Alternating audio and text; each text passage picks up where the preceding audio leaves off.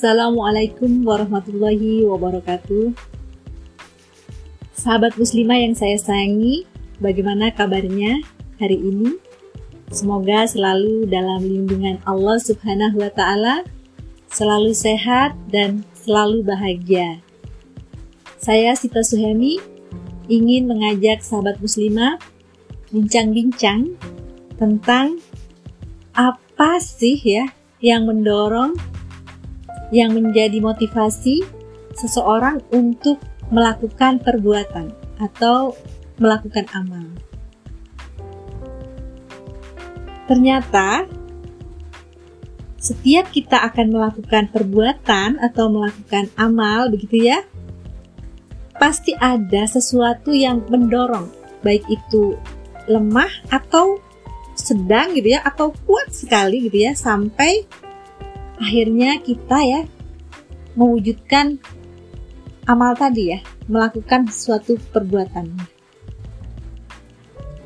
Dan sahabat muslimah, ternyata ada tiga jenis ya, tiga jenis motivasi atau tiga jenis pendorong sehingga manusia itu mau melakukan perbuatan atau amal. Yang pertama, dorongan berupa materi atau fisik, fisikal ya. Kemudian yang kedua, dorongan emosi atau non-materi. Dan yang ketiga, dorongan spiritual atau ruhia. Baiklah, kita akan kupas ya satu-satu. Yang pertama adalah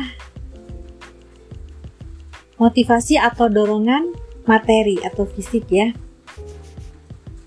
Ini adalah motivasi yang dampak atau pengaruhnya itu paling lemah di antara tiga motivasi ya sahabat muslimah. Um, ya manusia itu berbuat di di kategori yang pertama ini karena dia mempunyai materi yang kuat ya jadi misalnya fisik-fisiknya kuat atau benda-benda yang mendukung amalnya itu lengkap begitu ya. Jadi kalau ada fisik atau sarana atau tadi ya kekuatan jasmani yang kuat atau yang lengkap begitu ya, maka dorongannya itu menjadi kuat untuk melakukan amal. Sebaliknya, jika sarana atau fisik atau jasmaninya itu lemah atau kekurangan gitu ya tidak tidak banyak tidak berlimpah ruah ya maka dorongan untuk melakukan perbuatannya juga menjadi lemah ya. Demikian seterusnya ya sahabat muslimah jadi eh, motivasi untuk melakukan amalnya itu benar-benar tergantung ya. Kadar kekuatannya itu tergantung dari ada atau tidak adanya ya atau lengkap atau kurangnya sarana fisik atau jasmani seseorang. Tapi ya yang eh, karena saking lemahnya nih ya bisa jadi seseorang itu punya sarana yang sangat lengkap ya. Tapi kalau dia memang merasa itu bukan sesuatu yang dia ingin lakukan, dia tidak akan lakukan. Nah, ini ini memang memang e, dorongan yang dorongan materi atau dorongan fisik ini adalah dorongan yang paling lemah di antara ketiga dorongan e, perbuatan ya ketika e, ketiga motivasi manusia untuk melakukan perbuatan. Kemudian yang kedua adalah motivasi moral atau non materi. Nah, motivasi ini itu timbulnya dari dalamnya dari dalam jiwa manusia. Kadang-kadang motivasi ini memberikan dorongan lebih kuat ya dari dorongan materi ya. Bahkan lebih banyak memberikan dorongan ya untuk bertindak ya dibandingkan dengan motivasi materi. Ya. Kemudian yang ketiga motivasi spiritual ya dorongan spiritual. Nah ini adalah dorongan yang paling kuat, paling besar di antara tiga motivasi perbuatan ya. Karena motivasi ini, spiritual ini itu erat kaitannya dengan kesadaran seseorang, kesadaran manusia akan hubungannya dengan Allah Subhanahu wa taala sebagai pencipta dirinya dan pencipta segala sesuatu ya. Karena itu hmm, kekuatan inilah yang dulu ya pernah menggerakkan para sahabat dalam berjihad fisabilillah misalnya ya. Padahal jumlahnya sedikit ya.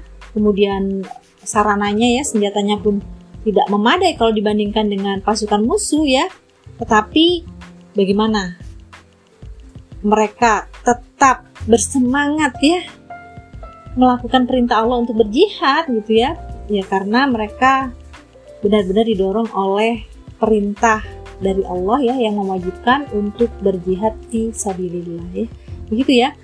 Sekarang kita contohkan fakta-fakta yang ada di sekitar kita saja ya sahabat muslimah ya. Kita sebagai wanita ya sebagai seorang ibu misalnya ya. Untuk motivasi yang pertama ya misalnya nih misalnya ya. Kita harus memasak ya memasak makanan untuk keluarga kita ya. Nah untuk motivasi atau pendorong materi ya maka seorang ibu ya itu akan bersemangat memasak jika ya jika peralatan memasaknya dan bahan-bahan untuk memasaknya itu komplit atau lengkap gitu ya. Dia akan semangat ya bikin sayuran misalnya atau bikin lauk pauk atau kue dan sebagainya ya. Itu akan bersemangat jika semua bahan dan peralatannya itu lengkap. Ya, tapi ini kelemahan dari dari sarana ini ya motivasi fisik itu bisa jadi karena karena seorang ibu ini memang sangat berlimpah ruah ya dari sisi materi gitu ya bisa jadi dia buat apa masak gitu ya toh masih bisa beli misalnya atau bisa pesan orang lain untuk memasakkan yang bergizi misalnya seperti itu. Nah ini jadi e, dorongannya memang sangat lemah ya kemudian contoh yang kedua yaitu dorongan atau motivasi non fisik ya non materi ini kita bisa lihat ketika seorang ibu ya dia memahami bahwa dengan memasak masakan sendiri, dia akan yakin atau dia akan tahu betul bahwa apa yang dimakan oleh keluarganya ya, suami dan anak-anaknya adalah makanan yang bergizi, kemudian sehat, gitu ya, bersih dan seterusnya. Sehingga dia lebih terdorong ya, dorongannya lebih kuat daripada yang pertama ya. Misalnya peralatannya tidak selengkap ibu yang pertama gitu ya. Tidak mengapa dia pasti akan mencari jalan bagaimana caranya masakannya tetap uh, jadi gitu ya tersaji dengan baik ya.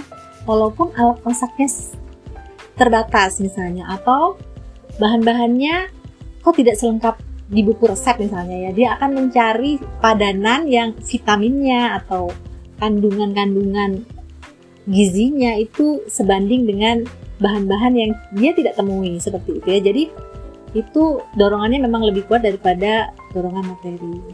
Kemudian untuk contoh yang ketiga, dorongan spiritual ini jauh lebih kuat lagi ya. Ketika seorang ibu dia ingin berikan makanan yang baik ya, bukan hanya dari sisi kandungan gizinya ya, tapi dari sisi halal, halal haramnya gitu ya, dia akan sungguh-sungguh memilih makanan yang atau bahan-bahan makanan yang halal ya sekaligus toyib gitu ya karena diperintahkan oleh Allah gitu ya. Karena ketakutan atau ya ketaatan seorang ibu ini terhadap Allah ya sebagai hamba gitu ya. Dia akan berusaha sekuat tenaga bagaimana caranya mendapatkan makanan yang bukan hanya toyib bukan hanya sehat bergizi tetapi juga halal? Apa pun kondisinya mau sarananya itu lengkap atau tidak lengkap atau mau bahannya itu lengkap atau kurang ya, maka dia akan bersungguh-sungguh untuk mendapatkan makanan terbaik bagi keluarganya. Karena berharap apa yang dia sajikan, apa yang dia berikan itu selain uh, sebagai ibadah begitu ya, kewajiban sebagai ibu, umu gitu ya, warabatul bait, maka dia akan berusaha melakukan itu gitu ya e, karena ketaatan karena dorongan spiritual tadi ya. Jadi memang luar biasa, sangat berbeda dengan uh, motivasi materi dan motivasi moral ya.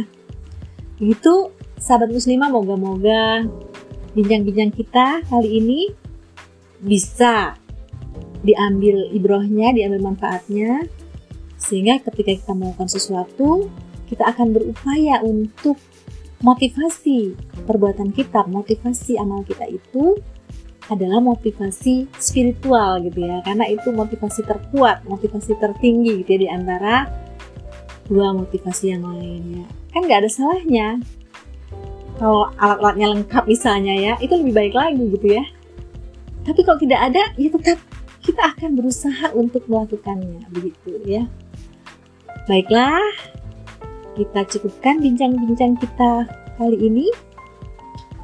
Saya undur diri. Wabillahi taufiq wa hidayah. Wassalamualaikum warahmatullahi wabarakatuh.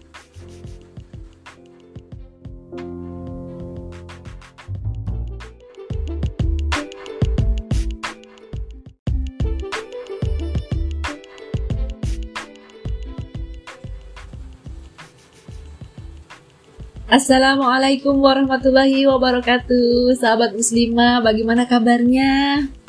Semoga selalu dalam kondisi sehat, selalu dalam lindungan Allah ya, selalu dalam kondisi yang sangat bahagia ya.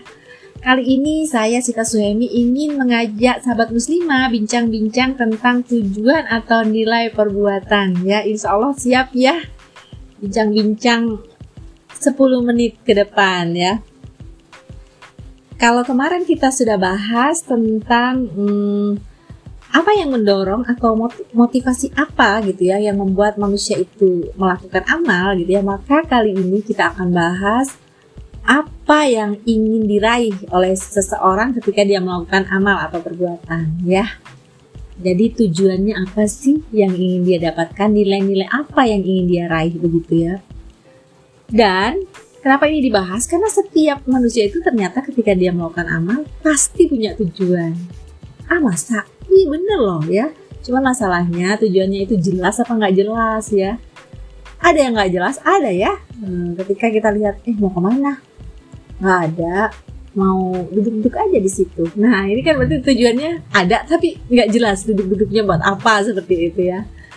Nah ya sahabat muslimah ternyata hmm, nilai atau tujuan manusia melakukan perbuatan itu ada empat. Apa saja tuh ya? Yang pertama hmm, nilai materi atau kima madania ya. Madia maaf ya. Nah, kemudian yang kedua uh, nilai insania atau kemanusiaan ya. Kimatul insania kemudian yang ketiga nilai akhlak.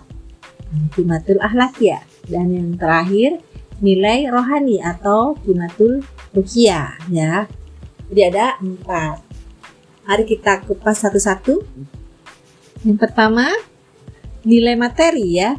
Nilai materi ini adalah bahwa gitu ya, setiap manusia atau seseorang ketika melakukan perbuatan dia ingin mendapatkan materi. Jadi contohnya ya, misalnya sahabat muslimah jualan nih, menjual sebuah barang dan saya membelinya, maka ketika beraktivitas jual beli ya, seseorang yang menjual itu ingin mendapatkan keuntungan ya, ingin mendapatkan uh, uang yang balik modal gitu ya dan lebihnya adalah keuntungan seperti itu. Kemudian yang kedua ya, kima insania ini adalah nilai yang ingin dicapai oleh orang yang misalnya ya misalnya ada tetangganya yang sedang kesusahan kebakaran rumahnya misalnya kemudian kita langsung otomatis menolong tetangga kita yang mengamankan barangnya, yang mengamankan orangnya, menolong orangnya dan seterusnya. Nah itu salah satu contoh atau melihat orang yang tolong tolong dia mau tenggelam di sungai atau di kolam renang ketika kita bisa berenang maka kita langsung menceburkan diri dan menolongnya misalnya seperti itu. Nah ini ini salah satu contoh uh, nilai insannya atau nilai kemanusiaan tadi ya. Dan yang ketiga itu adalah nilai akhlak ya. E, maka e, ketika kita menolong uh, burung yang terluka ya atau kita jujur mengatakan bahwa hmm, barang kita adalah barang yang bagus misalnya ya ketika berjualannya. Atau ketika harus mengatakan sesuatu yang sesungguhnya ya. Maka ini ini kejujuran ya atau amanah ini termasuk ke dalam nilai uh, akhlaki gitu ya. Dan yang keempat yaitu nilai ruhiyah ya. Ini bisa biasanya berkaitan dengan ibadah ya. Kalau sebagai seorang muslim maka ketika kita sholat ya, ketika kita zakat, haji, kan nggak ada tuh kita sholat ingin dibayar gitu ya. Atau e, kita sholat kan nggak boleh karena tujuannya ingin dipuji ya. Atau karena ingin di, dikatakan bahwa kita itu menolong apa ya menolong diri kita ya. Jadi semata-mata kita itu melakukan perbuatan itu karena perintah Allah gitu ya. Karena ingin beribadah, karena ingin mendapatkan pahala. Nah ini masuk ke dalam kima ruhia gitu ya, sahabat muslimah insya Allah sudah terbayang ya. Nah sekarang masalahnya ketika kita melakukan perbuatan dan ingin mencapai tujuan itu, nanti kita akan mendapatkan stempel ya dari orang-orang gitu ya, bahwa perbuatan kita itu baik atau buruk. Nah seperti itu ya. Hmm, karena sebenarnya ketika kita melakukan uh, uh, perbuatan dan ingin mendapatkan empat nilai ini itu uh, tidak ada yang lebih baik ya di antara uh, keempat nilai ini ya. Jadi kenapa kita harus tahu? Ya itu karena ketika kita melakukan uh, keempat-empatnya itu boleh-boleh saja gitu ya. Dan nggak ada yang lebih baik di antara keempatnya seperti itu ya. Karena memang itu masing-masing gitu ya ketika kita melakukan ini itu ingin nilai ini. Ketika melakukan uh, sholat itu ingin ruhiyah ya. Dan itu semuanya boleh gitu ya. Masalahnya nanti uh, bolehnya mengerjakannya itu kan harus ada caranya dan itu akan dinilai orang baik atau buruk gitu ya. Di masyarakat ya sahabat muslimah itu nilai baik dan buruk itu bermacam-macam tergantung masing-masing orang bisa jadi jadi beda ya. Dan uh, waktu sekarang baik belum tentu kemarin belum tentu beberapa tahun yang akan datang ya. Karena itu perlu ada standar standar yang menentukan nilai itu baik dan buruk dan itu nggak boleh berubah dari zaman dulu sampai nanti hari kiamat nggak boleh berubah harus itu harus tetap begitu ya sehingga kita tidak bingung. Yang namanya standar itu memang harus tetap ya kalau mau ngukur panjang standarnya meteran tetap kan ya. Bukan kainnya yang ngikutin eh bukan meterannya yang ngikutin kain tapi kainnya ikut meteran gitu ya. Jadi standar itu harus tetap. Hmm. maka ya kalau kita bertanya-tanya ada nggak sih standar yang tetap? Ada lah ya standar yang tetap itu adalah standar dari sesuatu yang menciptakan kita gitu ya. Sama ini dengan gini loh. Uh, baik buruk buat uh, eh, HP Samsung itu yang paling tahu adalah pabrik Samsung gitu ya. Baik buruk untuk kulkas ya yang paling tahu itu pabrik kulkas ya. Sama ya yang paling tahu baik dan buruk buat kita gitu ya. Nilai baik dan buruk buat manusia adalah pencipta dari manusia itu sendiri. Setuju nggak sahabat muslimah? Setuju ya? Ya karena itu kita ya uh, standar baik dan buruk buat manusia, buat perbuatan-perbuatan kita, buat mencapai empat nilai yang tadi kita bahas itu adalah standar yang ada di dalam kitab suci kita yaitu Al-Qur'an dan hadis-hadis yang disampaikan atau ya dikeluarkan oleh Rasulullah SAW ya sebagai tuntunan buat kita. Jadi eh, dua dua hal ini ya itu yang yang yang kita jadikan standar untuk menentukan nilai baik dan buruk dari cara-cara kita untuk mendapatkan nilai atau tujuan perbuatan kita seperti itu ya. Jadi karena itu ya kita harus belajar apa saja gitu ya yang uh, termasuk atau bernilai baik menurut standar pencipta kita ya, menurut standar Allah ya. Dan apa saja yang uh, dia itu buruk menurut menurut standar dari pencipta kita yaitu Allah ya. Agar uh, tidak tertukar ya. Agar uh, kita bisa melakukan uh, semua hal yang kita pilih ya. Tujuan-tujuan yang kita pilih itu bisa sesuai dengan nilai baik dan buruk yang sudah kita yakini sebagai seorang muslim, sebagai seorang yang beriman ya. Begitu sahabat muslimah ya. Jadi hmm, kesimpulan dari bincang-bincang kita ya uh, bahwa kita melakukan perbuatan apa pun itu biasanya mempunyai nilai yang ya di antara empat nilai yang kita bahas tadi ya mau nilai materi, nilai kemanusiaan, nilai ahlaki atau nilai ruhia ya kita boleh pilih ketika melakukan suatu perbuatan pasti gitu salah satu dari nilai ini yang kita tuju gitu ya dan kemudian untuk mencapai eh, tujuan kita nilai-nilai yang kita inginkan ini maka kita harus memilih cara-cara yang sesuai dengan standar ya. Uh, jadi uh, nilainya baik dan buruknya itu sesuai dengan standar yang sudah tetap yaitu yang sudah ada di dalam kitab suci kita yaitu Al-Qur'an. Uh, begitu juga dengan hadis-hadis yang dibawa oleh Rasulullah SAW ya seperti itu yang disampaikan oleh Rasulullah SAW ya. Baik ya, sahabat muslimah. Semoga bincang-bincang kita kali ini bermanfaat ya Semoga kita um, selalu menjadi se uh, seorang yang beramal ya, um, beramal solih ya, dan selalu lebih baik setiap hari gitu ya dibandingkan dengan hari kemarin ya. Saya undur diri. Wabillahi taufiq wa hidayah. Wassalamualaikum warahmatullahi wabarakatuh.